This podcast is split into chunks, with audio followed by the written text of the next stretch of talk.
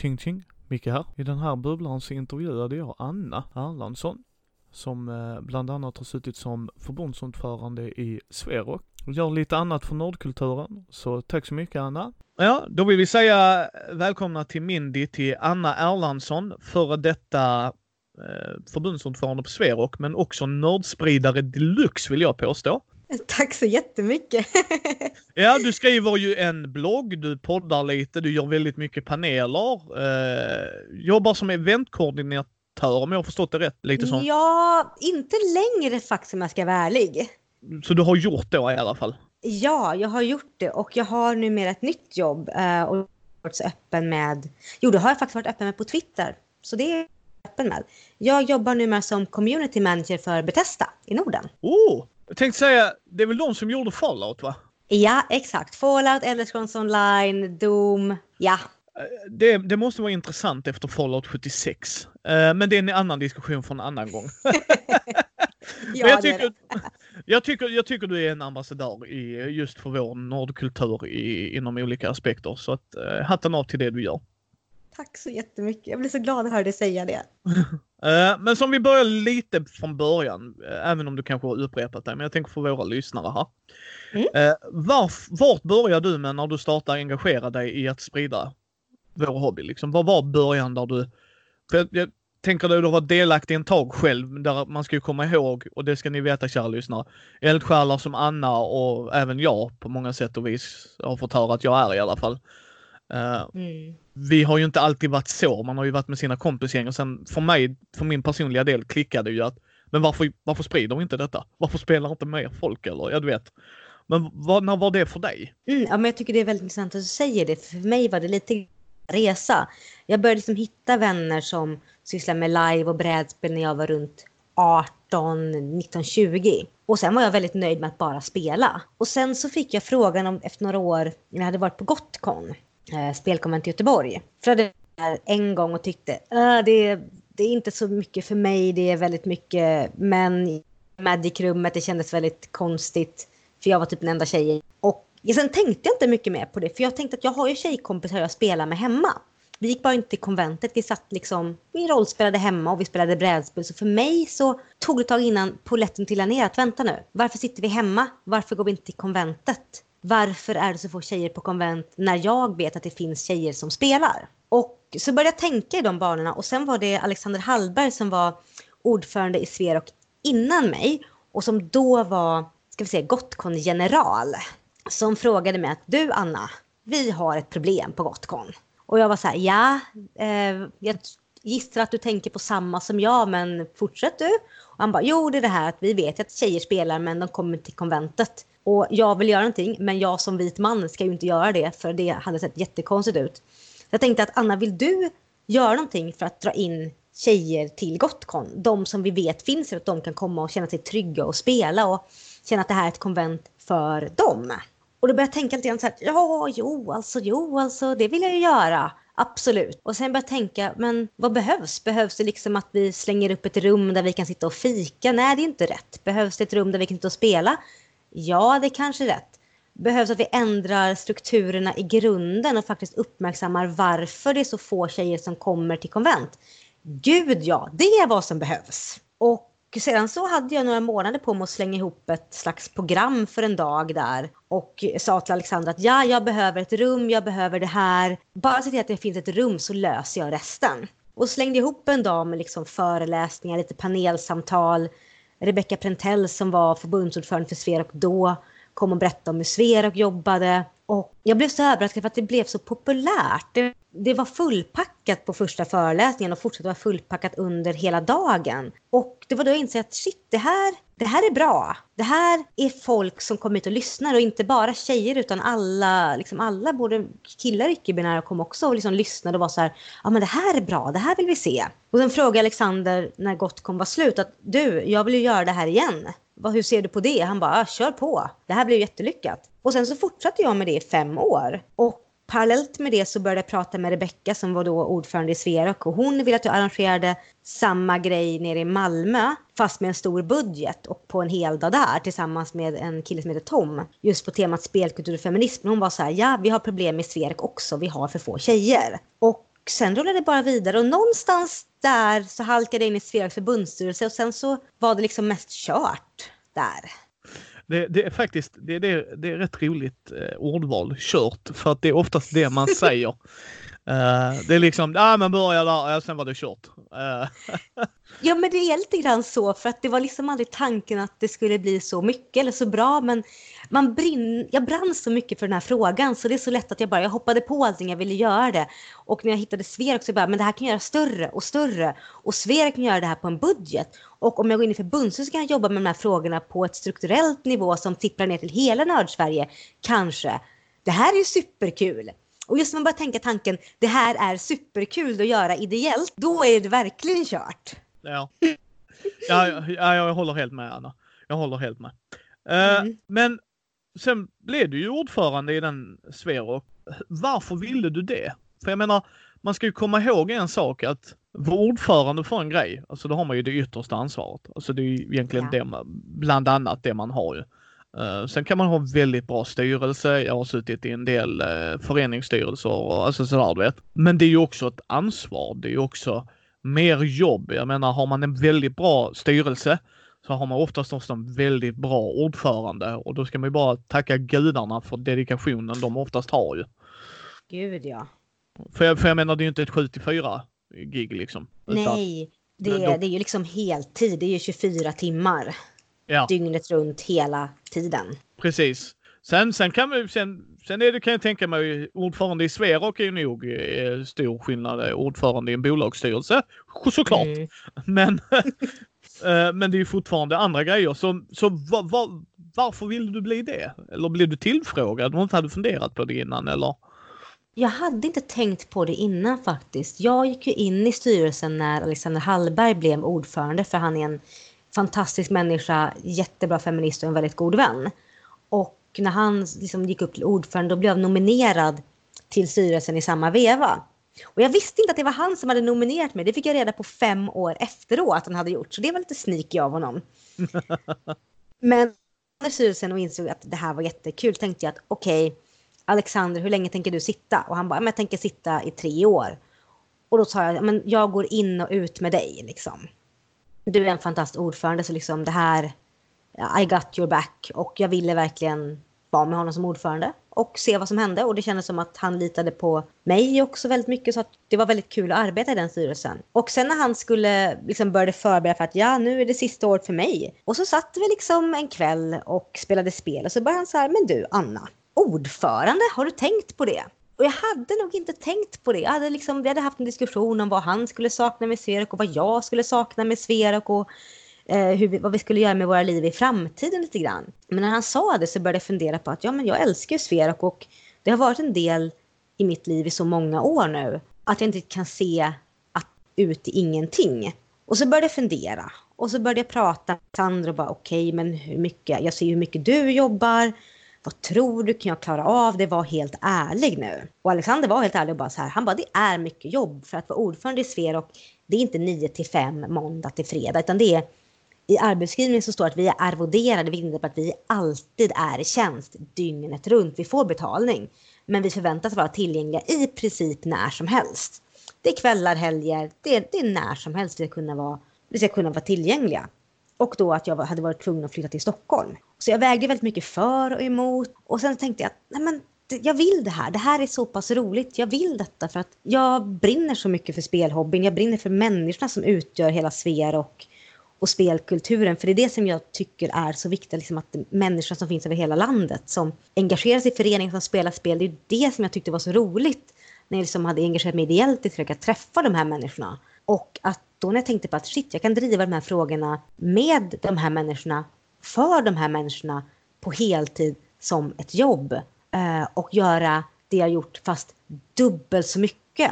Och då kände jag att igen att det var lite kört där, för då kände jag där att ja, men det här gör vi ju. Hur, hur svårt kan det vara liksom? Och så ja. pratade jag med Alexandra och var så här, jo, du, jag vill här. Eh, och så minns jag inte om jag nominerade mig själv eller vem det var som nominerade mig. Det vet, det är sånt man aldrig kommer ihåg. Men så tackade jag till ordförandeposten och sedan så ja, blev jag vald på det årsmötet och det var nog ett av de största ögonblicken i mitt liv faktiskt. Ja men det måste ju vara, eller måste, förlåt mig nu, men liksom Ja, nej, men jag tänker mig, för, för det, det, alltså, jag tänker mig känslan är rätt stor i det läget. Alltså, det, jag kan förstå hur du menar liksom att man, oj, nu är jag här på den här positionen som jag ville vara. Men det måste ju ändå vara en känslomässig laddad situation, alltså på gott liksom sådär att man bara oj, nu är jag här. För som ordförande i Sverok kan man ju komma ihåg, dels har man ju ansiktet på sig. Mm. Det är lite så människor fungerar. Det står Sverok på 7 miljoner tröjor. Inte, men mm. alltså du förstår vad jag menar. Jättemånga tröjor. Och så är någon douchey McDoucheface, en rövhatt som vi kallar det på podden. Och så man bara, ja nu ska vi gå och prata med Anna om det. Så man bara, ja fast Anna är ju människa. Och tycker nog att den rövhatten är en rövhatt. Så han hade en Sverok-tröja på sig. Hur, hur är den Förstår du hur jag tänker? För det är så, det är, och det är inte, det, det är så människor fungerar överlag liksom. Alltså för mm. det, det, är man ju själv, du vet. Man ser någon som på posten som kör dåligt och tänker man, vilka idioter. Alla posten. Ja. Alltså det är liksom naturlig grej kan jag tänka mig att tänka. Men det ska man ju också då komma ihåg när man tar den positionen. Du är ju ansiktet utåt. Mm. Hur var det när du stod där liksom, eller när du hur är det att jobba som ordförande där? Var det som du förväntade dig? Var det mer, mindre eller var det som du, eh, Eh, Alexander och du pratar om? Liksom? Mm, ja, men det är jätteintressant att du säger det för att det var en sak som jag noggrann analys över innan jag tackade ja till ordförandeposten. Det här är så att, att alltid vara en offentlig person, att vara det hela tiden, 24 timmar om dygnet och även vara det i min hobby. För jag, hade provat, jag är ju journalist i grunden och har jobbat en del för Sveriges Radio. Och även fast jag jobbat som väldigt osynlig person där, liksom, framförallt som digital redaktör, så har det också varit så här att ja, jag får tänka på att vilka åsikter säger jag på sociala medier? Hur kan jag vara en opartisk person i detta? Hur upprätthåller jag ett förtroende för public service? Så jag hade fått lite liksom känna på det. Men nu var det på en helt annan nivå. Det var, det var på en helt annan nivå det skulle vara det.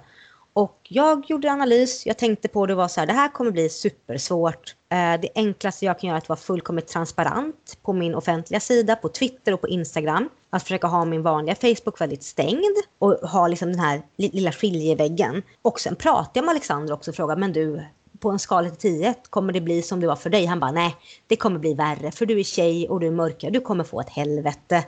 Men eh, jag finns här för dig, Charles finns här för dig, det finns massa andra människor som finns här för dig. Men du måste själv tänka på om du klarar av det. Och så tänkte jag på det och analyserade och så kom på att jo, men eh, det kommer nog bli, på en skala 10 så kommer det nog bli ungefär så här mycket. Det var valår också så jag fick ta med det i beräkningen. Eh, och sen så kände jag att det var fortfarande var värt att försöka gå för ordförandeposten. Det var fortfarande helt värt det.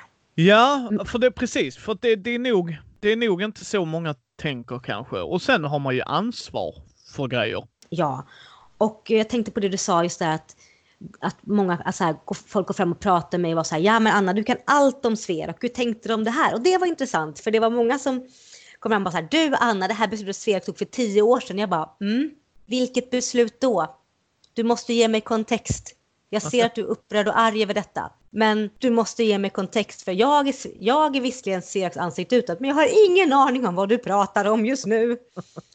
Och då får man bara vara så här, ja okej, okay, okej, okay, ja det låter ju inte bra. Var väldigt så här pedagogiskt och bra liksom så här, och samtidigt också så här, okej, okay, nu får jag en sida av den här händelsen. Den låter inte bra. Jag måste få den andra sidan också, vad det var som hände på det här, om det var ett årsmöte eller distriktsmöte, föreningsmöte, för att kunna pussla ihop bitarna och framförallt se vad det egentligen var som hände. För att hade jag sagt, åh det här är ju jättehemskt, vilken otroligt vidrig förening eller så, så skulle det börja gå att ja, men ordföranden tycker att det här är hemskt och vidrigt och då står Sverok bakom det. Så det fick jag tänka på hela tiden, att verkligen väga alla ord på guldvåg. Och det är svårt, för jag är en rätt hetsig människa med ett kort stubin. Så där var det verkligen så här flera gånger, jag bara, alltså, nu sa jag för mycket, för man blir så meddragen. Men det, fick man, det lärde man sig rätt snabbt efter ett tag att okej, okay, lyssna, lyssna, lyssna. Bara genom att visa att jag lyssnar så gjorde det väldigt mycket för människor upptäckte jag. Och lyssna, det är någonting jag tycker om att göra. Jag tycker om att lyssna på människor och höra deras berättelser för det ger mig en insikt i vad folk som spelar spel faktiskt bryr sig om, vilka frågor som är viktiga för dem. Sen kunde det komma fram folk som var superarga på någonting som Sverige som förbund hade gjort som jag inte hade någon aning om. Och då var det också bara, jag står här och du får vara arg på mig. Och efter ett tag så var de så här, ja, vad skönt att du lyssnade. Jag ville mest bara prata av mig för jag har varit så arg. Då är det som krävs. Bara att jag liksom stod och lyssnade och inte direkt sa att nej men du hörru, eh, nu får du gå för jag bryr mig inte om det här. bara att lyssna och finnas där gjorde så mycket märkte jag. Och för mig kostade det ingenting alls att bara lyssna. Men vad, jag tänker mig så här, eh, lite i min, vad var det bästa att sitta som Sverok ordförande? Och kontra, vad var det sämsta? Mm, bästa var ju framförallt att åka runt och träffa alla medlemmar. Att åka på föreningsmöten, distriktsårsmöten, åka på konvent, eh, bara springa på medlemmar som bara Åh, hej Anna, du, jag vill prata om en sak. Och bara höra de här grejerna, bara liksom lyssna på vad de tyckte om med lyssna på vilka frågor de tyckte var viktiga, lyssna på vilka problem de hade i sina kommuner eller sina regioner med att få bidrag eller så, vilket var jättetråkigt men också så nyttigt för mig att höra. Och att bli medbjuden liksom att ja, när vi har diktorsmöte, vill du hänga med och spela spel? Och jag bara, ja men det är klart jag vill det. Så det var ju det absolut, absolut roligaste. För att de mötena tog jag med mig hem tillbaka till kansliet. Jag satt och jobbade och bara, ja men nu sitter jag och skriver den här rapporten om varför spel är kultur. Vilka skriver jag den för? Jo, jag sitter och skriver den för alla de som jag mötte nu på det här mötet. Alla de som jag mötte igår, i förrgår, förra veckan. Alla de jag mötte på Gott, kom på När, kom på Nordsken, på Lincoln. Alltså alla de här människorna som jag mötte där. Och det var nog det allra roligaste och det som gav mig mest energi. Och det var det jag tyckte var roligast innan också. Åka ut och träffa människor och visa upp vad spelkulturen faktiskt gör för människor i Sverige. Eh, så definitivt, det är liksom det absolut roligaste. Sen också att driva viktiga frågor, framförallt spelkultur, driva frågor om mångfald i spelkulturen och även se liksom, hur kan vi jobba tillsammans i spelkulturen för att en förening tycker den här frågan är viktig, en annan förening tycker motsatt fråga är viktig, men också så här, ja, vi kan jobba med det här under samma paraply. Och det är ju en svår grej att göra, men det blir också en väldigt kul utmaning. Och det yeah. sämsta tror jag, oj nu, det sämsta var nog att, eh, det sämsta framförallt det faktum det, det ibland blev väldigt ensamt. Det var väldigt ensamt att vara ordförande och jag bara var en person. Så att jag kunde inte allting. Och jag kunde inte heller... Saker tog väldigt mycket längre tid inom Sverek än vad jag, än vad jag var beredd på. Vilket gjorde att dels att det blev, det blev, det blev lite tungt och framförallt jag kände, och det var nog det allra sämsta, men med arbetsuppgifterna, där jag sitter och tänker igenom så här, var det politikersamtalen? Nej, de var jätteroliga. Att träffa andra i civilsamhället, fortfarande superkul. Lägga verksamhetsplan, superkul. Styrelsen. Ja, alltså det finns ingenting som var liksom dåligt med arbetsuppgifterna. Det var mer liksom att det som var tråkigt var att det blev lite ensamt. Ja, men det kan jag tänka mig. Eh, mm. Det kan jag tänka mig. Det kan jag tänka mig. Även om du hade Alexander och Charlie och dem. Så, ja. är, det, så, är, så är det en grej. Men jag tänker mig, man ska komma ihåg det här varför man använder ordet eldsjälar. Mm. Där är människor i vår hobby som är jätteduktiga på det de gör. Alltså jätteroliga att spela med. Men inte har eh, eller känner att de vill vara den sociala ansiktet utåt. För det ska man ju komma ihåg att det är som jag sa till eh, en kompis till mig här. Fredde är en av mina bästaste, bästaste vänner. Mm han är ju en hederscrewmember i Mindy för att jag vet att han vet vad vi symboliserar utåt. Han inkluderar folk, du vet när han är med. Han vill inte vara med i podden jättemycket och alltså så här, det är bara för att han är som person. Men när han är med ute så har jag inget problem att han använder vårt varumärke, Stora kaninöron här, liksom vår logga utåt. För att det är jag som ansvarar över Mindy-loggan och precis som min co-host Andy gör ju. Mm. Men han är väldigt inkluderande så då är det liksom okej. Okay. Sen har jag kompisar som, inget som helst fel på dem överhuvudtaget. Det är bara att de spelar gärna spel med folk, men de är inte vana att bjuda in på samma sätt som jag och Fredde gör. Förstår du hur jag tänker? Ja, definitivt. Det är, en, det är så kul att du tar upp det, för det är en, det är en milsvid skillnad på om man säger att ja, men jag, jag tycker om att spela spel, men också jag tycker om att spela spel och bjuda in andra. Precis, alltså så att jag har ju kompisar så skulle du komma ner eh, Anna och hälsa på de är, oj jätteroligt att Anna är här och spelar. Men det är ju mm. jag som får dra i det. De hade ju inte, får jag vara med när Anna är där? Alltså förstår du? Och det är mm. inget fel, för de är bara sådana personer. När jag spelar med min lilla klick. Men ja. det ska också säga att de är fullt förstående med att det ska vara inkluderande. De köper det. Men det är bara det är inte det sättet de jobbar på. Och det kan vara massa olika anledningar, liksom hur de är uppväxta och vilket kompisgäng man har så. Mm, och då, definitivt.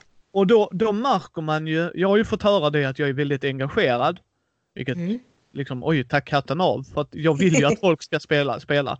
Och det är ju du, Gabby, tycker jag är fantastisk. Shoutout till dig. Åh, Gabby. Mm. Eh, Men samtidigt även förlagen i Sverige, Fria Ligan, Elossos och de, de vill ju att folk ska spela deras produkter. Ja, lite hint att folk ska köpa det, men när du träffar dem ute är de ju sjukt roliga att prata med. Eh, när de donerar till Sverok-lådan, alltså du vet sådana grejer. Men visst, det är klart, mer spel till folk. Och, och vi drivs av det av olika anledningar. Lite lång förklaring här till frågan, Mm. men för, för, nej men för, för mitt driv kommer ifrån, alltså jag älskar den här hobbyn. Dels rädda den, alltså mer eller mindre bokstavligt talat mitt liv. Alltså jag hade nog Mm. inte varit äh, här idag om jag hade gjort annat tror jag. Liksom det är, det, det, det är, om du skulle fråga min fru hur många gånger hon blev trött på när Mm. jag, oh jag har köpt nytt rollspel. Yes! Du har 60 rollspelssystem redan, men köp du ett till, varför inte? Man Eh, kan aldrig få för många rollspel.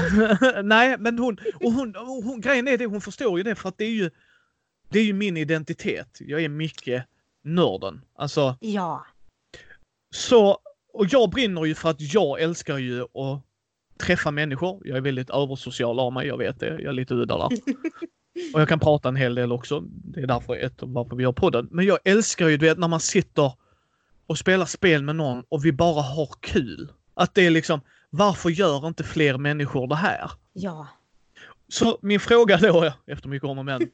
vad är det som driver dig i det? För att det måste ju vara ett driv någonstans när man är, sitter i paneler. Alltså, förstår du vad jag menar? Liksom, Mm. du gör ju så mycket för nördkulturen eh, inom Sverok eh, innan nu, även bara när du är dig själv så att säga. Men vad är det som driver? Vad är det som gör så att Anna vill göra det här? För att har du inte det så, ja, vad Nej, gör man jag då? Tror att det är, jag tror för mig är det att titta tillbaka på min egen resa så spel och spelkultur har alltid, alltid betytt så otroligt mycket för mig. Jag var en rätt ensam eh, tjej när jag växte upp. Liksom, jag var fantasynörd och liksom tyckte om fantasy och Sailor Moon och drömde om live. Liksom. Det var inte så jättecoolt. Så jag var rätt ensam. Det var helt okej. Men när jag hittade liksom att det fanns live, när jag hittade spel, den glädje jag kände när jag såg Sailor Moon och den här kände bara att den här scenen den tilltalar mig. Det, det var något fantastiskt. Och sen när jag hittade andra människor som tycker om att spela. Det, det är liksom, det bara tände någonting i mig som fortfarande brinner. Jag vill att alla ska upptäcka hur otroligt kul och givande spelkulturen kan vara. Och vad det kan ge till ens vardagsliv tills en, och till ens eh, liksom, liv som helhet. Och jag är även så kritisk mot spelkulturen för att jag ser det som att ja, det är en hobby som består mycket av. Det är mycket vita män, det är mycket sunkiga kulturer inom vissa grenar av spelkulturen. Och att säga att ja, men jag älskar den fortfarande för jag måste kunna vara kritisk mot det jag älskar. Och det har inte hindrat mig från att verkligen tycka om den mindre. Jag vill älska den snarare mer för jag bara, ja men det här kan ju ändras. Och ändrar vi det så kan fler hitta in. Det är ju superbra! Hurra! Så jag är verkligen så här, jag vill ju att det är fantastiskt. Det liksom finns någonting för alla. Tycker man om att spela rollspel? Ja, det finns. Jajamän, kortspel, figurspel, cosplay. Eh, airsoft, det finns så jädra mycket. Och ja, men jag älskar ju när människor hittar till spel första gången eller hittar liksom brädspel eller rollspel och åker på sitt första live och bara inser att det här var någonting för dem. För att jag vill mest bara så här ta mig hamnen och bara ja, välkommen hem, välkommen in i den här gemenskapen. Och om det är så att folk kan se vad jag har gjort eller lyssna på ett panel som jag är med och ser det som att oj shit, det här är kanske någonting för mig. Eller åh, jag har önskat att jag började spela men var lite för blyg. Men nu kanske det känns som jag vill. Då är det liksom, då är det en win för mig. För det innebär att jag får mer roliga människor att spela med, mer människor jag kan träffa på konvent, mer människor jag kan diskutera med, prata med. Kanske människor som engagerar sig i en nördgren jag inte alls är inne på. Men sedan kommer tillbaka och börjar prata om den som gör att jag kan hitta in till den. Så det blir som en slags en rullande kedja liksom, som bara sätts igång. Och, och jag blir så uppe i varv nu för jag, alltså det jag älskar är ju människorna. Jag älskar liksom att folk hittar dit. Och framförallt så är det så kul att se när människor som aldrig någonsin har haft intresse för spel hittar lättare. Eh, till exempel mina föräldrar som är så otroligt icke-nördiga som det bara går. Och första gången jag släpade hem ett brädspel till dem och lyckades få dem att spela på jul och de bara Mm, det var rätt kul ändå. Sa de liksom båda och såg så lite bistert. Sen så var det typ gången efter de bara du Anna när du kommer ut kan du inte ta med det där, äh, det där brädspelet igen? Jag bara vill ni spela Carcassonne? Är ni vad ni säger? Ja, ja. Inre efter maten. Men du kan ju ta med det sådär. Och då kände jag bara så här yes, yes, nu, nu hittar ni in till det här. Min pappa har ju varit sån. Uh, han, har jag, han har jag bra kontakt med. Pappa jag pratar Mm. typ tre gånger i veckan ungefär. Så han bor i Spanien. Åh, okej. Mm. Ja, han flyttade ner när jag var typ två eller något sånt. Men han körde lastbil, det är så jag har fått yrket ifrån. Liksom så. så jag växte upp i, många av mina eh, fina minnen är när jag är med han i lastbilen. Det är typ de enda bra minnen jag har från när jag är barn typ. Mm. Eh, men eh, min pappa har inte förstått det jag har hållit på med. Av samma anledning jag tror många föräldrar gör. Att de inte har insyn i det. Liksom min pappa kommer från en generation där de inte hade det på samma sätt som vi har idag. Idag har du ju fritid på ett helt annat sätt än vad de hade, tror jag. Någonstans. Alltså även om de Mm. umgicks, alltså du vet, förstår du lite vad jag menar? Att, eh, så att när han förstod att jag börjar podda och att folk lyssnar och att jag är inbjuden på samtal, att jag får nätverka och träffa underbara människor som dig och Gabby och liksom Björn från Elossos och liksom hur Mm, många som ja. helst, liksom ja, eller Petter från Helmgast och alla, alla underbara människorna är där ute liksom. Och ser liksom att oj, alltså oj, det här är nog något annat än jag har tänkt mig. Han brinner ju för det här. Och jag kommer ihåg, vi var på Alfaspel i Stockholm nämligen Mm. så skulle jag, för jag brukar vilja gå in och stötta lokala spelbutiker och oavsett var jag är så går jag in och ja, köper kanske ett litet spel eller ett stort spel, beror på. Så såg pappa Quirkle, så tittade Ah. han så, ja, han sa Mm. det påminner om eh, Domino. Mm. Ja, sa killen då. Jag hade hört talas om det då och han bara ja, det kan man nog säga. Så pappa köpte det till mig. Ja, men då köper jag det. Oj. För vi var på semester, vi reste genom Sverige då. Han har mycket släkt norrut. Pappa kommer från Umeå från början. Eh, Okej. Ja, så han har, vi har rätt mycket släktingar på pappas sida som ligger lite varstans i Sverige. Men under tre veckors tid varje kväll mer eller mindre satt vi och spelade Quirkle. Bara han och jag. Men gud vad underbart. Ja, det är riktigt, riktigt underbart minne jag har med pappa. Men sen har han inte velat spela sen dess. Men då tyckte han det var... Och det gjorde inget för jag tror grejen var där att då fattade pappa. Alltså då, då klickade liksom att okej, jag gillar inte det här. Och det är okej. men min son älskar det. Då var Mm. det verkligen okej, jag kommer nog aldrig riktigt förstå. Men jag lyssnar ändå när han pratar om grejerna. Han brukar prata liksom, hur, hur går det med podden? Och hur går, alltså han är väldigt inkluderande på det sättet. Så jag älskar min far väldigt mycket. Han, är, han har Mm. sina sidor också såklart. Men, men liksom just den biten, då förstod pappa. Så att nu, nu i somras när jag var iväg och intervjuade Gabby bland annat och dylikt så så var pappa där. Han körde och lämnade mig till intervjuerna och sånt liksom när vi var i Stockholm. Nej men jag kör in dig.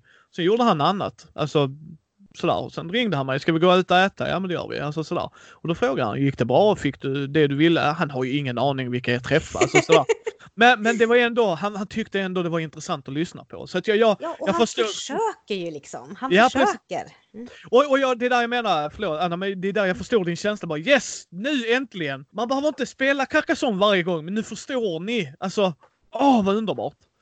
Ja, ja men precis. Och liksom den känslan av att förstå så att det är liksom att, precis som du säger, de behöver inte liksom spela jämt, men att de förstår, de vet vad det är man är passionerad om och för. Och det är också en grej som jag kom på en till drivkraft också med att mina föräldrar upptäckte det så sent. Jag älskar mina föräldrar väldigt mycket. De är väldigt, väldigt bra, väldigt icke-nördiga. Och nu är de på den nivån att de är så här, ja men det är klart att vi förstår vad du gör nu. För att nu har de har varit på Gotcon nu en gång. Min pappa kom till bokmässan när jag arrangerade en monter där tillsammans med Max Hortanainen. De vet liksom vad det är jag gör. Och jag önskar ju att alla föräldrar ska kunna engagera sig, eller vilja ha ett engagemang i sina barns intresse. Så det är också viktigt för mig när jag är ute och pratar med folk och liksom, när det liksom kommer in folk och bara ah, men mitt barn spelar spel, det är inte viktigt. Jag bara, nu, nu, får, nu får du hålla i din imaginära öl här. För jo, nu ska vi prata om varför spel är viktigt för barn och vad det gör när man engagerar sig i föräldrars intresse eller sina barns intresse. För det är också en så viktig grej, för som säger att det är många föräldrar som är så här, men spel det, det ger inte så mycket och så glömmer de liksom att men vad är det som får ens barns ögon att tindra och sparka? Vad är det som får att ens barn till och med när vi är vuxna liksom som du och jag sitter här nu, att vi fortsätter brinna för spel. Vad är det som gör typ att det blir så stor del i våra liv? Och det önskar jag att föräldrar kunde inse tidigare. För det gör det så mycket lättare. Ja, alltså, och där, där håller jag helt med dig. Alltså för att det som jag förklarar, liksom pappa förstår nu. Han förstår inte förstår, men han förstår. Alltså han Mm. förstår att det här, det här, är- de leker inte. För det är en grej jag Nej. irriterar mig på när man har pratat med polare. Ja, min fru säger att vi leker. Då blir jag lite så här, Nu, Fast det är inte lek. Det är inte na, lek. Nej, och, och, och jag kan samtidigt, jag blir inte arg arg, men jag kan bli riktigt irriterad just på varför förstår inte folk? Det är liksom, jag kan förstå att man inte kan greppa konceptet rollspel. Alltså, jag, jag, jag är inte dum i huvudet, jag kan förstå det. Jag, eh, jag har sagt detta tidigare i podden, men vi, jag är fackligt aktiv eh, och jag var på en fackutbildning som var i två veckor. Så första veckan och sen så är man hemma och jobbar lite och sen kommer man tillbaka en vecka till. Första veckan vi var där så började de då gå igenom det vi ska lära oss och bli bättre på att göra våra fackliga uppdrag och det. Och då var där en grej att man ska hålla ett föredrag för att ibland måste man mm. gå upp och prata inför folk. Uh, folk som känner Micke, de garvar ju när de hörde den biten. Bara, ah, nej, Micke går upp och pratar inför folk. Och, och, eh, och, jag ska inte få min, de som har problem med det, jag, jag förstår det. Alltså, så att, men för min del är det rätt lätt. Prata är lätt för mig. Då pratade jag om hur rollspel hade påverkat mitt liv.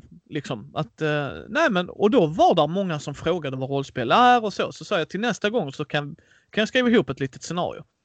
Och då hade jag fem, nej sex spelare som aldrig hade spelat rollspel innan. Alltifrån en 62-årig kursledare till en eh, 50-årig kursledare som inte hade ens en aning om vad det här var innan. Alltså aldrig.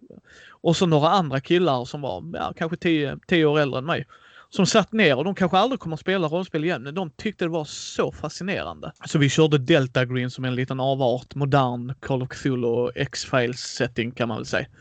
Eh, men då spelade de det ju och mm. det var så, alltså de tackade mig och bara Wow, är det här rollspel? Men de var ju väldigt öppna. Och, men det är ju okej att de inte vet, men de, de förstod nu varför jag sa det jag sa. För att jag sa, i rollspel så samarbetar du. Det är samberättandet som är viktigt där. Alltså det är ett samarbete. Du lär dig det. Du lär dig tänka utanför boxen. Eh, ja. Uh, liksom alla de grejerna. Och de, de förstod ju inte riktigt för att det är jättesvårt. Alltså det kan jag förstå. Men efter det förstod de Oh, shit, vi fick verkligen tänka utanför boxen.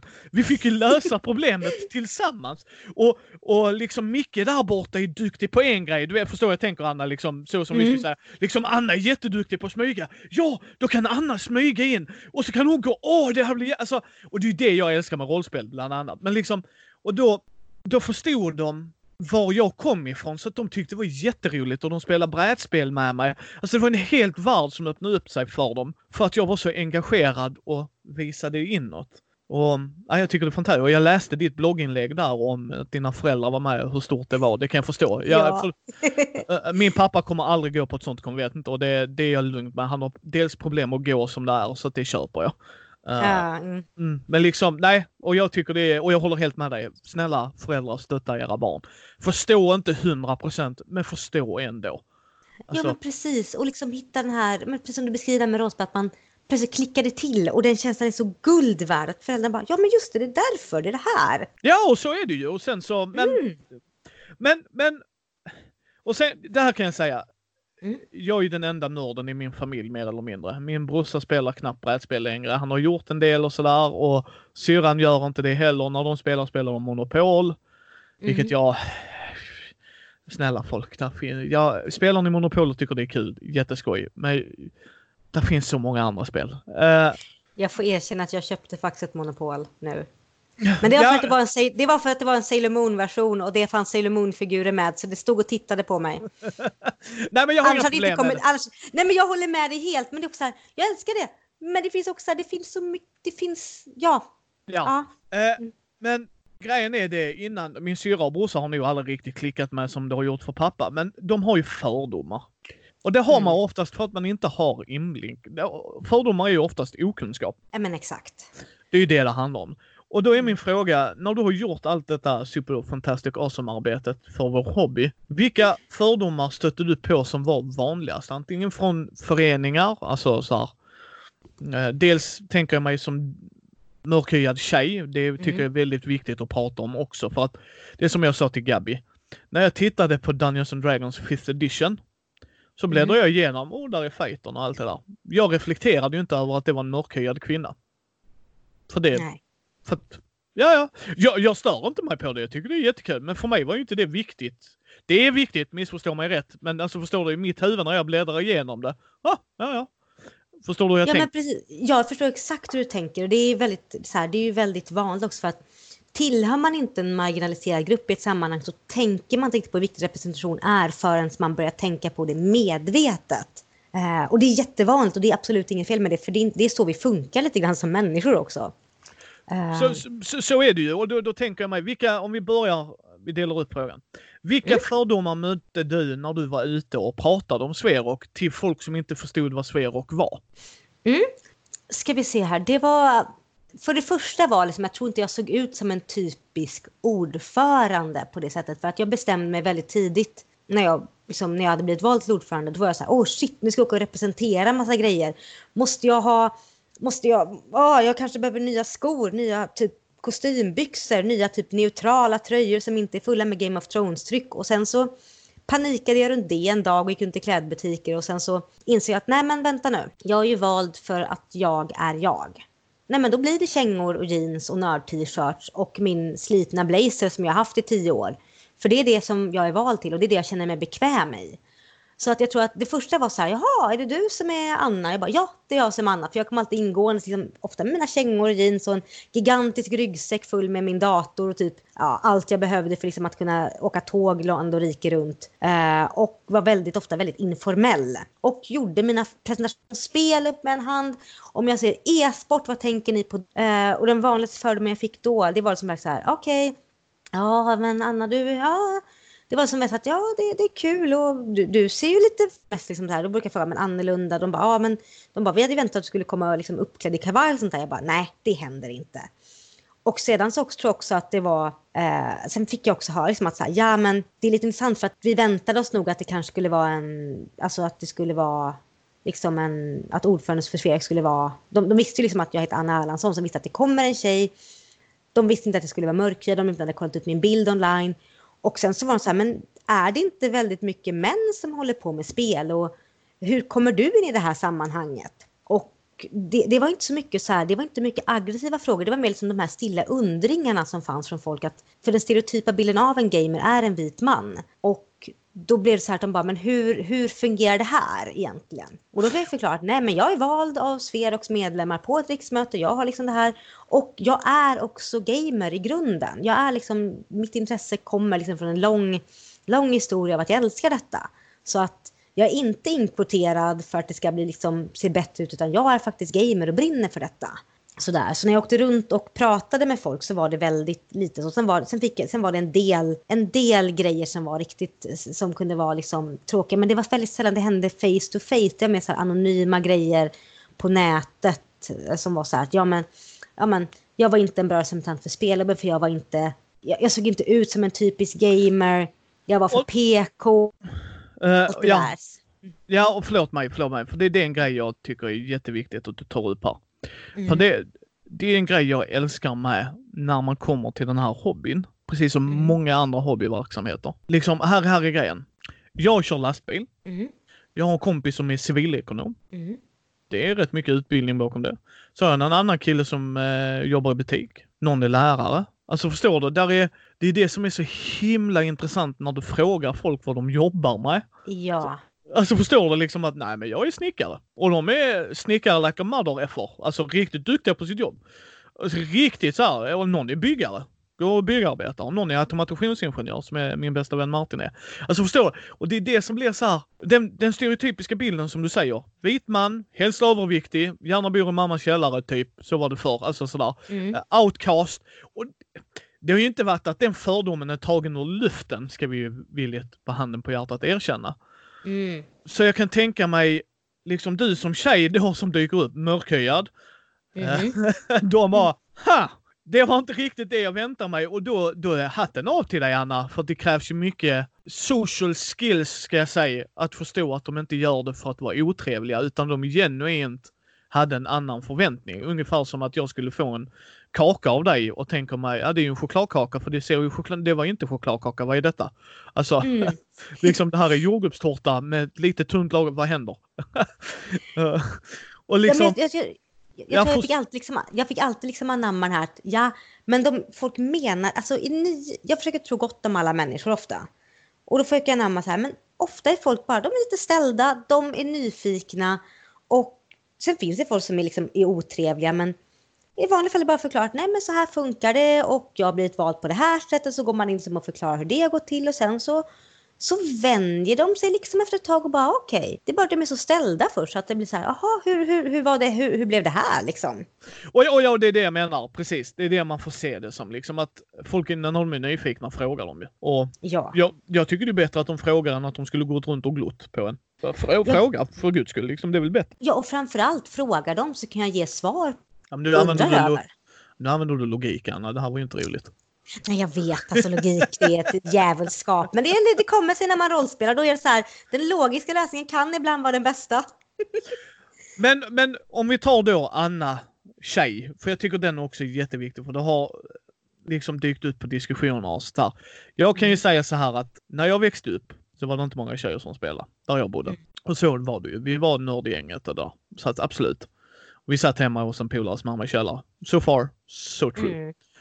Men när man träffade en tjej då så var det ju en, en flickvän. Men det var också då, ska man också komma ihåg, det var ju med ett kompisgäng. Så för oss var det ju naturligt när det kommer in en tjej. Alltså i det läget liksom att det var en tjej. Men när man kom till förening, då när jag började gymnasiet så gick man ju på en förening. Då tänkte man ju inte det utan då kom där, så tänkte inte jag. Kanske någon gång, det ska jag handen på hjärtat, om någon säger att ens flickvän kommer och där kom ner en tjej. Då var det nog det jag tänkte först. Sen insåg man, just det, tjejer spelar också. Så det absolut, det har jag nog tänkt. Men jag tänkte ju alltid, nej men tjejer kan väl spela, det gör väl ingenting. Mm. Jag förstår inte vad grejen är.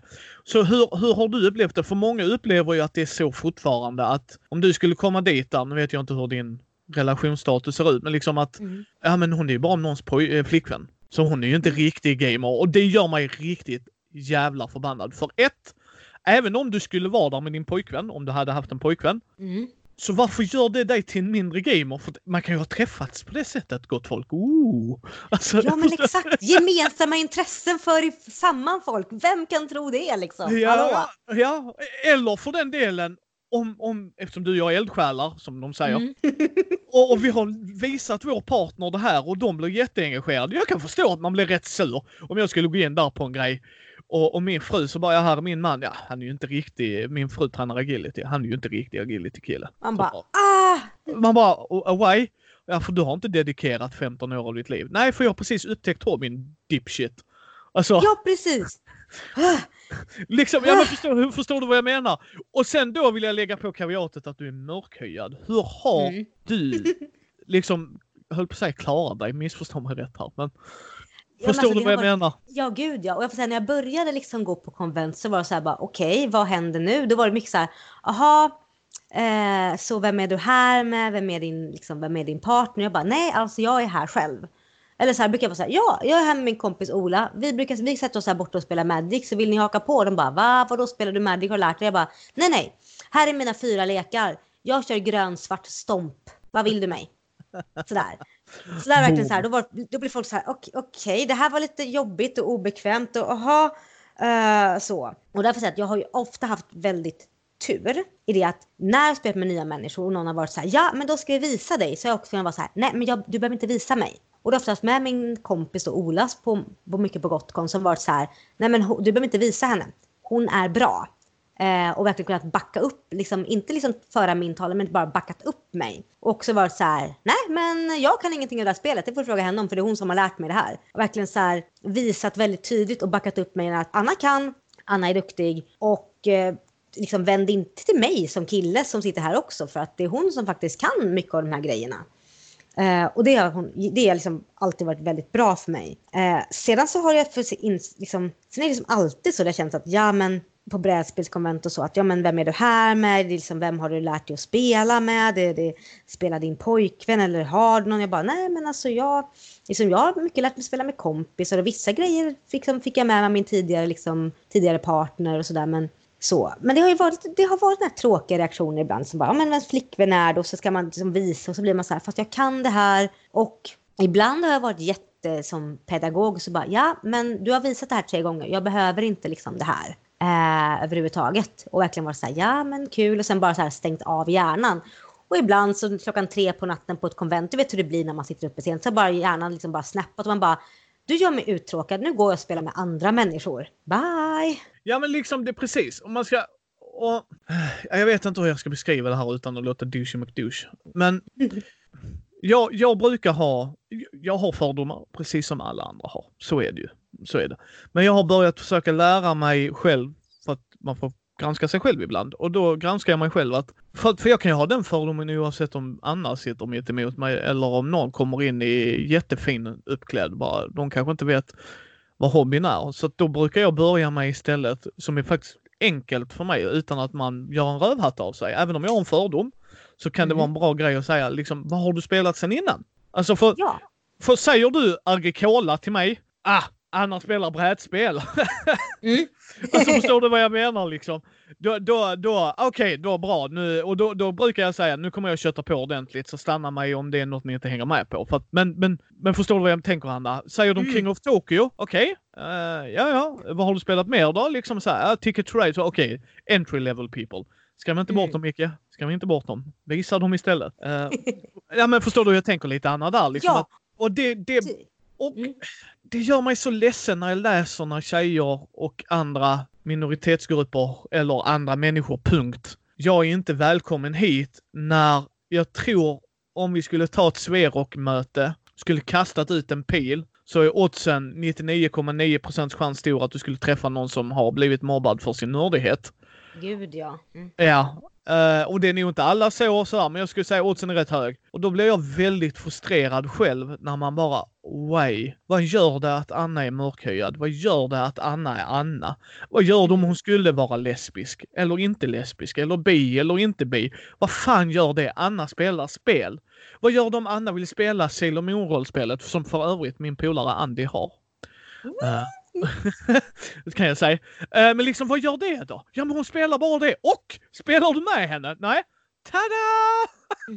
Men jag tycker det här är så intressant. Jag skrev en krönika för, tror det var Svampriket för massor av år sedan. Där jag just tog upp och bara så här, aha, eh, typ, ja du spelar, har du spelat de här, de här, de här, de här? Och för mig som tjej så blev, kände jag ofta att det blev som slags någon slags förhör. Det var så här, jaha, har du spelat de här, de här, de här spelen? Kan du det här? Jag bara, jag har spelat det här. Jag har inte spelat det här. Ah, ja, så du har inte spelat så mycket? Jag bara, jo, jag har spelat de här, de här, de här spelen. Men jag har inte spelat det exakt precis spel som du, som du sätter som ribba för att jag ska vara bra nog för att få spela med dig. Och det var lite den känslan som fanns. Så jag tycker mycket bättre om de här frågorna så här, som du säger, att bara, ja, hej välkommen, vad tycker du om att spela? För då lägger man, då blir det inte så mycket av ett förhör, en inbjudan, det blir roligare och framförallt så kan man engagera sig i varandras spel och hitta andra grejer. Och där känner jag som tjej liksom att det har blivit, att för många år sedan, då var det har blivit bättre. Säger att det har blivit bättre för att det blivit fler tjejer i hobbyn. Eller om det är för att folk vet lite grann vem jag är. Det är otroligt svårt att avgöra vad det är som har hänt där. Men i början då för några år så var det väldigt mycket av ett förhör. Och sen när jag var mörkrädd, det- där är det också det att folk ofta så här börjar snacka engelska. Men bara åh är du ny här? Jag bara nej nej alltså jag har spelat i flera år. Jag pratar flytande svenska. Det är skitkul att du försöker liksom vara lite approachable. Men eh, det, det är också de här grejerna som gör, också de här grejerna som gör liksom att när det finns väldigt få mörkhyade tjejer som spelar, väldigt få mörkhyade människor överlag som spelar i Sverok. Och så här, hur vi sätter ribban och hur vi skapar ett vi och dem och inte tänker liksom att ja men liksom hej vi börjar, liksom, vi börjar säga svenska sen bara okej men har du ett annat språk då löser vi det. Också vart, men hur, hur, vi, hur vi skapar ett, liksom, hur vi bygger onödiga murar finnas där genom så små medier genom att liksom göra att ja men du måste kunna de här spelen för att vara liksom, bra. Vi pratar engelska med någon som inte ser typiskt svensk ut för det är så vi tänker. Vilket skapar en känsla av att ja nu kommer jag hit och det här är era grupp och ni direkt sätter en främmande stämpel på mig. Eh, förstår, förstår, jag förstår tanken för jag har liksom, jag har en rätt hög level av, eh, av social skill. Men den, ibland när jag har dagar det känns trött då känner jag bara så här att nej men just nu orkar jag bara inte. Nu, nu kunde ni väl vara lite schyssta eller bara liksom tänka två varv till. Ja Så. men för det, för liksom, där är jag nog tvärtom. Där är jag ju dum i huvudet när du är i Sverige antar jag att du pratar svenska. Ja gud ja. Alltså, jag börjar prata svenska med folk och då avbryter de mig liksom no sorry can please take that in English och jag bara ja sure. För att, Precis. Alltså- Vissa rollen hos den andra personen utgår inte från saker. Och det tycker jag liksom också varit lite så här. Och, och så mörkrädd tjej också. Där kan jag gå in på ett annat spår. Liksom så här. Då blir det så här. Jaha men du spelar spel. Åh, äh, PK-elit. Jag, bara, alltså, jag, har, jag har politiska åsikter. Jag tycker jämställdhet är jätteviktigt. Jag är feminist. Jag är väldigt öppen med. Men just att jag får verkligen försvara mitt spelande och den jag är på ett sätt som ibland kan bli tröttande när jag bara vill spela spel. Också på ett sätt som är verkligen så här, ja men jag får stå för allas åsikt, jag får stå för alla så här, ja men då ska vi liksom gå in på de här frågorna och varför är det här? Och när jag arrangerade på Gotcon för flera år sedan, då var det ju liksom, då var det tyvärr några väldigt aggressiva vita män som tyckte att jag förstörde Gotcon helt och hållet genom att ta in feminism där. Och jag bara, va? Det är ett rum människor, det är ett rum på hela konventet, ni är jättevälkomna. Men Gotcon är rätt stort, det är ett rum som är nördfeministiskt så, och ni är välkomna, men vill ni inte så finns hela Gotcon att spela på. Sådär. Och då var det liksom det att ja, men nu kommer en mörkertid, ska röra om i grytan och ska förstöra spelet. Men det är bara, är det så farligt om vi gör att spelhobbyn blir öppen för fler grejer? Och min poäng med hela min rant är att ibland blir det så att jag blir ett slags alibi för att förändring måste ske. Och jag har ingenting emot det på ett sätt, för jag tycker om att driva förändring. Jag tycker om att spelhobbyn ska vara öppen för mera. Men ibland så blir det också väldigt, det kan bli väldigt tröttsamt. För då blir, blir det ifrågasättande, men ah, är Anna verkligen en riktig gamer? Jag bara, jo det är jag på riktigt. Ja, och det är lite det jag vill klämma åt där. Att, vad fasiken, det är en underbar hobby. Vad gör det? Alltså seriöst. Ah, jag gillar inte att spela 40K eller figurspel. Inte fan går in där, varför måste de ha figurspel här? Jag spelar ju inte figurspel. Så bara, nej, jag går inte in i rummet då. Vad fan är problemet? alltså. Ja, men liksom, precis. Alltså, wow, de har nördfeminist. Ja, du kanske inte gillar deras åsikter. Nej, då, det är ju okej okay, va. Vi, vi måste ju få kunna tycka och tänka vad vi vill. Men varför får ja. inte de vara där? Alltså, det är inte så att liksom kritiken hade ju kunnat vara fundat och det hade jag ju sagt oavsett vad att om man byter ut en grej mot en annan. Ja, då har vi ju en annan typ av diskussion som man kan ha på ett vuxet sätt utan att eh, liksom slänga glåpord. Förstår du vad jag menar? Liksom att nu tog de ja, bort Magic-rummet för nördfeminism. Man bara, ja okej, nu kan jag förstå att du är upprörd för du spelar Magic och din grej finns inte kvar. Men det är ju inte Exakt. det som har hänt. Nej. Och det märkte jag också väldigt tydligt när jag gick in som ordförande i Sverok där, för då, då var han så här, ja ah, men Anna är den som driver PK-maffian i Sverok. Jag bara, va? Vadå? Jäm, så, så, så, att ni menar att det är viktiga jämställdhetsarbete som gjorts av Rebecca Prentell och Alexander Hallberg under flera år, även under David och Nina för långt sedan dess. Det, det struntar vi och tar credden från dem och allting hamnar på mig. Jag bara, men alltså det här är något som jag bara bygger på en redan lång process inom Sverok. Nu får ni skärpa er folk lite grann. Men det känns som, kändes som ibland som att det var så lätt att lägga det på mig. Bara för att jag inte var en, liksom den klassiska bilden av en gamer. Ibland kunde jag skratta åt det, ibland tyckte jag bara att det var så väldigt tråkigt. För att som sagt, ibland så tog det väldigt mycket fokus från de människor som faktiskt byggt upp hela den här liksom, jämställdhetskampen i Sverige. Och ibland blir det också bara jävligt tröttsamt. Men det kan jag tänka mig. Det kan jag tänka mig. Men sen, sen gör du ju paneler mm -hmm. i olika, olika slag. Vad tycker du är så roligt med paneler då? Och hur är dina tankar runt det? Oj, uh, det var inte medvetet. Det började med att jag blev, liksom, började bli tillfrågad mer och mer och sitta i paneler och tyckte att ja men det är kul. Uh, för att om... Ofta var det ju frågor som jag verkligen brann för och brinner för. Tycker jag, ja men går det att få in i mitt schema så absolut, då åker jag dit och pratar för att uh, prata om någonting man tycker är kul är alltid roligt och man brinner för det. Och sen så har det blivit liksom mer och mer att jag tycker det är väldigt roligt att prata mig varm om saker eh, som jag, liksom i, i spelkulturen. Men det var liksom inget mer, jag tyckte det var kul med paneler från början. Jag har egentligen en hemsk scenskräck och tycker det är jättejobbigt att vara uppe på scenen. Men där har jag liksom bara fått brotta mig igenom det och vara så här, ja men ja, scenskräcken är så här pass hög. Men att vara uppe och prata om det är så pass roligt att det väger över det. Och där brukar jag framförallt prata liksom om jämställdhet och feminism, om eh, antirasism och liknande för att jag tycker det är kul. Och framförallt också vad, vad spelkultur gör för unga, varför spel ska vara kultur. Jag skulle nog aldrig kunna vara med panelsamtal bara på liksom att ja, vi har panelsamtal innan något ämne jag inte skulle tycka att det är roligt eller brinner för. För jag måste verkligen kunna ankra an till det, särskilt när det gäller spel. Eh, jag har ju grenar inom spelkultur jag inte alls är hemma på. Till exempel figurspel gör jag lite grann. Men jag är inte jättehemma på det. Så om någon skulle vilja säga Anna vill du prata figurspel? Jag säga att ja, eh, jättekul att du frågar jag är inte tillräckligt hemma på att prata figurspel. Eh, så där är det bättre att du frågar någon annan och försöka hitta en tjej i så fall. Så det är också väldigt noga med att liksom, är det roligt? Funkar det logiskt? Och tillför jag någonting till ämnet så jag inte bara sitter där och inte har någonting att säga för det är jätte, jättetråkigt. Nej men, nej men så är det ju. Så är det ju. Du har ju en blogg. Mm -mm. Men du är ju väldigt personlig i din blogg. Du skriver ju ja. väldigt, väldigt, väldigt personligt. Sen känner jag inte dig superduper personligt men Jag får ju känslan av att det är personligt åtminstone. Ja. Eh, där du pratar om dina tankar och funderingar om just nördkultur och i andra situationer liksom sådär. Men just om nörderi vill jag ändå påstå. Mm. Hur känns det att vara så öppen? Jag menar framförallt i dagens samhälle där det är människor som uppenbarligen livnärar sig på att vara douchey McDoucheface. Mm. Mm, alltså det är svårt för när jag började, jag började blogga rätt tidigt. För jag tycker det är väldigt kul att skriva och skriva har alltid varit ett viktigt sätt för mig att uttrycka mig för. Och då hade jag en stängd blogg, sen hade jag en öppen blogg, sen hade jag en stängd blogg och sen var jag så här, nej men nu gör jag en riktig blogg och skriver om det jag tycker är uh, Framförallt så att vänner som bor långt bort kan läsa och mycket min familj kan läsa också. Och att jag valde att vara så personlig, det var för att jag kom till en punkt i livet där jag insåg att okej, okay, antingen kommer jag vara tvungen att visa upp en jättepolerad yta i allt jag gör och allting att livet är perfekt och jättebra och det här. Och sen inser jag att ja, men det går inte för att jag är kritisk mot delar i bland annat spelkulturen. Jag är, liksom, jag är kritisk mot att vi inte har ett jämställt samhälle.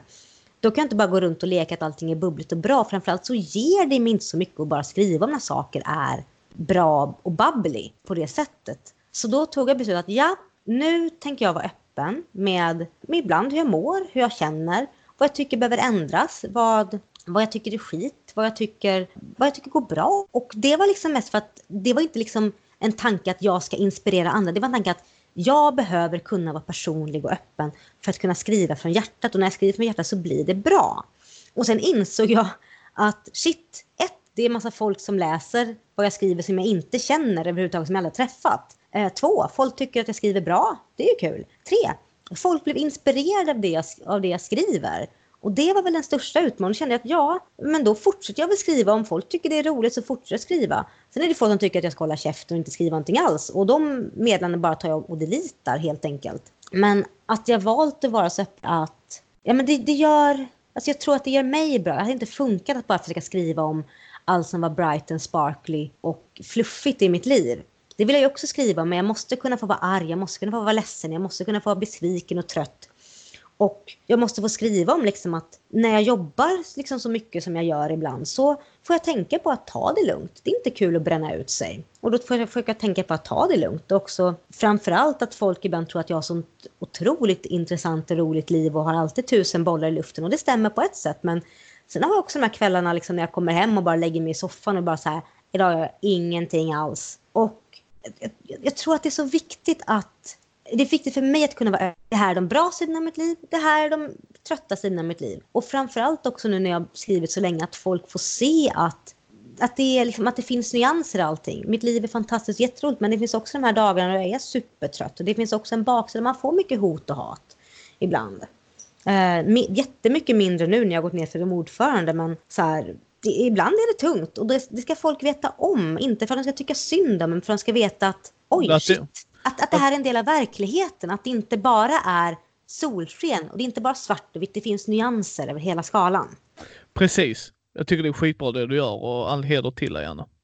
Tack. Uh, jag tänkte vi skulle avsluta med en fråga innan vi går till vem du är som person, som vi brukar göra. Mm. Liksom tre tips till någon som vill engagera sig. Vad, mm. vad, är, vad är det bästa liksom, vad, vad, har du för tips där till någon som vill, ja men vad fasiken jag vill göra någonting för spelcommunityt eller vad det nu må vara liksom. Mm.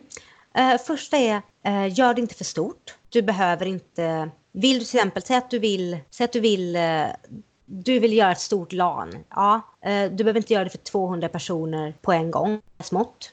För att gör man för stort så är det risk att det blir antingen pannkaka eller man bränner ut så det är tråkigt. Så börja smått och tänk på att varje resa börjar med ett steg framåt. Så att man tar de små stegen. Eh, nummer två, du kan. Jobba inte ensam. Ha kompisar du kan jobba med. Eh, och där är jag ett väldigt dåligt föredöme för jag tycker om att jobba ensam. Men jag har också ett väldigt stort stödnät av folk jag alltid kan bolla med. Jag kan alltid bolla tusen tankar med dem och jag har stöd av folk som jag kan dra in när det, om jag behöver hjälp. Eh, och nummer tre, ta reda på vad du är bra på. Och försök inte tänka att du måste vara bra på allting. Det finns människor som är jätteduktiga på att råda logistik. Det finns människor som är jätteduktiga på att ha en vision. Det finns människor som är duktiga på att bära stolar, det finns människor som är duktiga på att teckna. Det finns väldigt få människor som är duktiga på att göra allting. Och jag märker när jag pratar med unga idag att de tänker att ja, men jag måste kunna allting. Jag bara nej, vad är du bra på? ja, men om du är bra på logistik så kanske du ska bli, så kanske du ska vara en som rådar logistik som kan det här med budget och sånt. För det är inte värt att du sliter håret av dig i frustrationen över att budgeten inte funkar för att du inte förstår siffror. Så, så här, hitta dina styrkor och bygg på dem och ta in hjälp till annat. Det tror jag är det allra enklaste för att och just det sista, råd nummer fyra. Det behöver inte vara perfekt. Du behöver inte vara perfekt för att kunna göra någonting. Det behöver inte vara superstort. Det räcker med att du gör något litet för att varje litet steg du gör inspirerar någon. Och du får erfarenhet. Erfarenhet, du lär dig mer. Och det är så här, första eventet kanske kommer fem pers, sen kommer 10, 15 och sen står det där och plötsligt är det 100 som kommer. Eh, eh, och det är också, ett, eller sex råd jag är uppe i, men var tålmodig. Se det inte som ett misslyckande om det kanske inte kommer maxantal på ditt första grej du arrangerar. Var tålmodig, var beredd att ta tid och ge det den tiden. Ja men det är alltså härligt Anna. Skitbra. Mm. Skitbra tips. Men nu går vi till dig som person här. Eh, mm. jag börjar som jag alltid säger i mina intervjuer. Vi börjar med den enklaste frågan säger jag med glimten i ögat. Vem är Anna? Mm. Ja, eh, väldigt, väldigt eh, djupt engagerad nörd. Tycker om alla typer av spelkulturen, nästan. Eh, jag har inte provat på inte på paint. Jo, jag provar på paintball. Så jag provar på alla grejer som finns. Brinnande feminist, tycker om att försöka förändra världen. Eh, älskar katter, älskar drakar, tycker om mintchoklad läser på tok för mycket. Tycker jättemycket om att prova på nya brädspel men hinner typ aldrig spela brädspel. Och älskar Sailor Moon mest av allt i hela världen. ja, det är härligt. Mm. Vilket är ditt tidigaste spelminne? Ett spelminne som gjorde shit, det här är mitt, en del av mitt liv så att säga. Alltså de tidiga spelminnena det är ju att jag sitter bredvid min kusin när han spelar. Och jag minns inte det första spelet han spelade. Det var någonting på Nintendo så jag skulle utgå från att det var Super Mario för det fick jag sen av honom. Men när han spelar Super Mario World på Super Nintendo, det är ett av mina första minnen. Han sitter och spelar, jag får sitta bredvid honom och verkligen, eh, jag minns att jag sitter alldeles tyst, jag ska inte störa honom heller för det var ju svårt. Och sen spelar Donkey Kong och det är så fina stunder, för det här var liksom flera år som bara var så här att jag sprang ner och tittade när han spelade tv-spel. Och det är liksom ett av mina allra finaste minnen från barndomen. Just det här att bara sitta och titta på när han spelar tv-spel. Just hur glad jag blev när han senare var så här, ja ah, men du får mitt Nintendo för jag behöver det inte längre. Och hur mycket det betydde för mig. Ja men det är, åh härligt, härligt. Mm -hmm.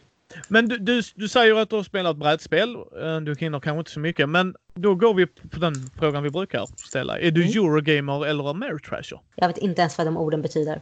Eurogamer, då är mekanik mycket mer viktigare än tematik. Medan Ameritrasher så är tematik mycket viktigare än mekanik. Jag personligen är Eurogamer, vilket är väldigt fascinerande hur jag väljer att spela rollspel. Men alltså för mig, eh, det är alltid roligt när det kombineras. Men jag älskar ju mekaniken. För mig är det det viktigaste i ett brädspel. Så vad, typ mm. eh, Eurogame är ju typ Ag Agricola eh, Ameritrash är Arkham Horror. Alltså förstår du, där är mer slump i Ameritrash. Det är mycket viktigare mm. att temat kommer fram. Ja, alltså oj, alltså det är första gången jag, jag började analysera detta. Uh, och jag kan säga att jag är nog lite av varje.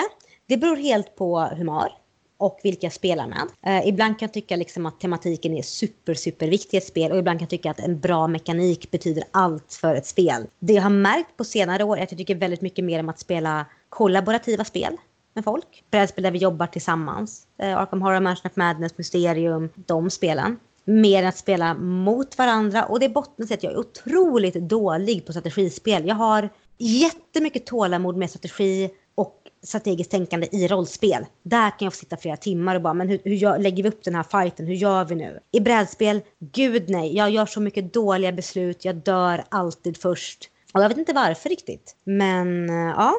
Så jag, jag tror att det, det, är väldigt mycket upp till spel och hur jag känner där. Nu när jag spelar, när jag spelar nu för tiden så blir det väldigt sällan det blir tid för de här långa brädspelen. Det blir väldigt korta små brädspel som tar liksom max en timme eller så. Eh, så då blir det då, då, går jag ofta på spel som jag tycker är... Eh, när jag går på SO-bokhandeln har jag ofta plockat spel som jag tycker är vackra och som tilltalar mitt estetiska sinne.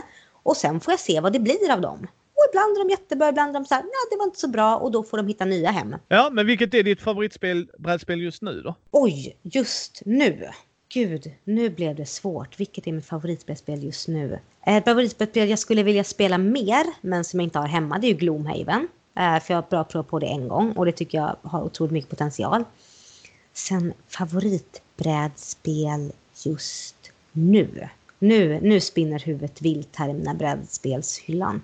Uh, alltså jag, jag är väldigt svag för mysterium. Väldigt svag för Mysterium, uh, även fast jag typ inte hinner spela någonting alls. Sen är jag väldigt svag för Tokaido, jag är väldigt svag för Ticket to Ride, Imperial. Uh, men om jag ska välja ett enda spel. Alltså jag måste nästan säga Codenames för att det tycker jag alltid är lika roligt för jag skrattar alltid så jag gråter. ja, det är rätt. Det är rätt Anna. Men spelar mm. du rollspel? Har du tid med det? Eh, både ja och nej. Jag spelar rollspel. Eh, har inte jättemycket tid med det, men jag är med i en online-kampanj. Vi försöker spela, eh, försöker spela någon gång varje varannan månad. Eh, internationell kampanj med spelare från Danmark och England bland annat. Någon från USA också. Eh, och det är Dungeons Dragons 5th edition. Eh, där spelar jag en ranger för jag kan aldrig låta bli rangers även fast de är så inte bra i 5th edition. Men min ranger är bra. ja, det är ju din ranger Anna. Jag hade inte förväntat mig något annat. Ja. och sen Men... så brukar jag spela, jag har en väldigt god vän i Danmark som bygger sina egna rollspelsystem. Så då brukar vi spela tillsammans. Ja. Mm. Eh, är du rollspelare eller rullspelare om du förstår vad jag menar? Mm, intressant fråga. Jag tycker väldigt mycket om att rollspela. Jag tycker om att rollspela ut scenarier, tycker om att bygga stämningar, berätta mycket vad som händer. Jag tycker om att problemlösa i rollspel. Men sen älskar jag adrenalinkicken jag får när, framförallt när jag spelar Dungeons Dragons 5th edition eller liknande, det är bara så här, ja, och så röjer spelaren bordet och så kör vi tärningar för jag blir så, jag känner bara, okej, okay, nu händer det, nu är det fight, kom igen nu tärningarna, svik mig inte nu, för ni kommer svika mig, men snälla jag ber er svik mig inte. Den adrenalinruschen är helt obetalbar. Så att jag är, jag är lite 50-50 där. Men det finns något väldigt speciellt med att rollspela ut eh, sina karaktärer tillsammans med nya människor. Det är ett fantastiskt sätt att bygga gemenskap. Så jag är nog mer rollspelare än rullspelare. Mm. Har, du, har du spelat någon? Nej. Eh, min plan är att jag ska faktiskt börja spelleda nu till nästa år. Jag planerar att ta hela vintern, eller ja, hela vintern, hela jullovet och faktiskt bygga en egen kampanj. Och det är baserat på att jag vill jättegärna spelleda, men jag är helt sifferblind, kan inte någonting med siffror, så jag måste sätta mitt eget system, för det är den enda rimliga lösningen uppenbarligen. Ja. bygga ett helt eget system för att kunna rollspela i och sen bygga en egen värld och köra på det. För jag är jättesugen på att rollspel, på att spelleda och baserat på att jag tycker mycket om att berätta historier. Mm. Ja, så om inte... allting går väl så 2020. Ja, vi håller tummarna. Mm. uh, vilket är ditt favoritrollspel just nu? Alltså Dungeons Dragons 5th edition. Uh, sen älskar jag Trudvang jättemycket. Och sen älskar jag min väns rollspel som han där han har byggt ett helt eget system nere i Danmark. För det är så lätt spelat, det är så lätt att bygga karaktärer och man kan fokusera på världen rollspelandet. Och han har inget namn på det än, men det är nog det enklaste, bästa systemet jag spelat i. Åh, nice, nice, nice. Mm -hmm. Får se vad som händer med det. Uh, och så tänkte vi avsluta med frågan, vad är det som är så underbart med vår hobby? Ja, ah, alltså jag har ju gått in på det flera gånger, men framförallt människorna. Att det är så lätt att skapa och bygga vänskapsband genom bara en hobby också att den är så mångfacetterad i form av vad man kan hitta. Jag ser ju spelkulturen som en otrolig liksom solfjäder av vad som går att få. Så det är så att man börjar i brädspel, hoppar till live, hoppar till cosplay, hoppar till airsoft. Det finns så mycket att bygga vidare på. Allting ankrar liksom an i varandra. Men tycker man om live så är det så lätt att hitta till rollspel, till brädspel, till kortspel. Det är så lätt att börja med allting. Och jag tror det jag älskar med hobbyn framförallt är att efter så många år så ger den mig hela tiden nya saker. Den blir aldrig någonsin tråkig. Ja, det... Jag, jag håller helt med dig, Anna. mm. uh, då vill vi ju passa på att tacka dig, Anna, för att du ville vara med i Mindys bräd och rollspelspodd ju. Tack så jättemycket för att du var med. Det har varit jättetrevligt. Tack för att ni har lyssnat på Mindys bräd och rollspelspodd. Ni hittar oss på mindy.nu eller på Mindys bräd och rollspelspodd på Facebook, Twitter, Instagram, Youtube. Gå gärna och lämna ett betyg på iTunes eh, eller på vår Facebook-sida så fler kan hitta oss. Känner ni att ni har någon slant över, gå gärna in och titta på vår Patreon. Så hörs vi nästa måndag.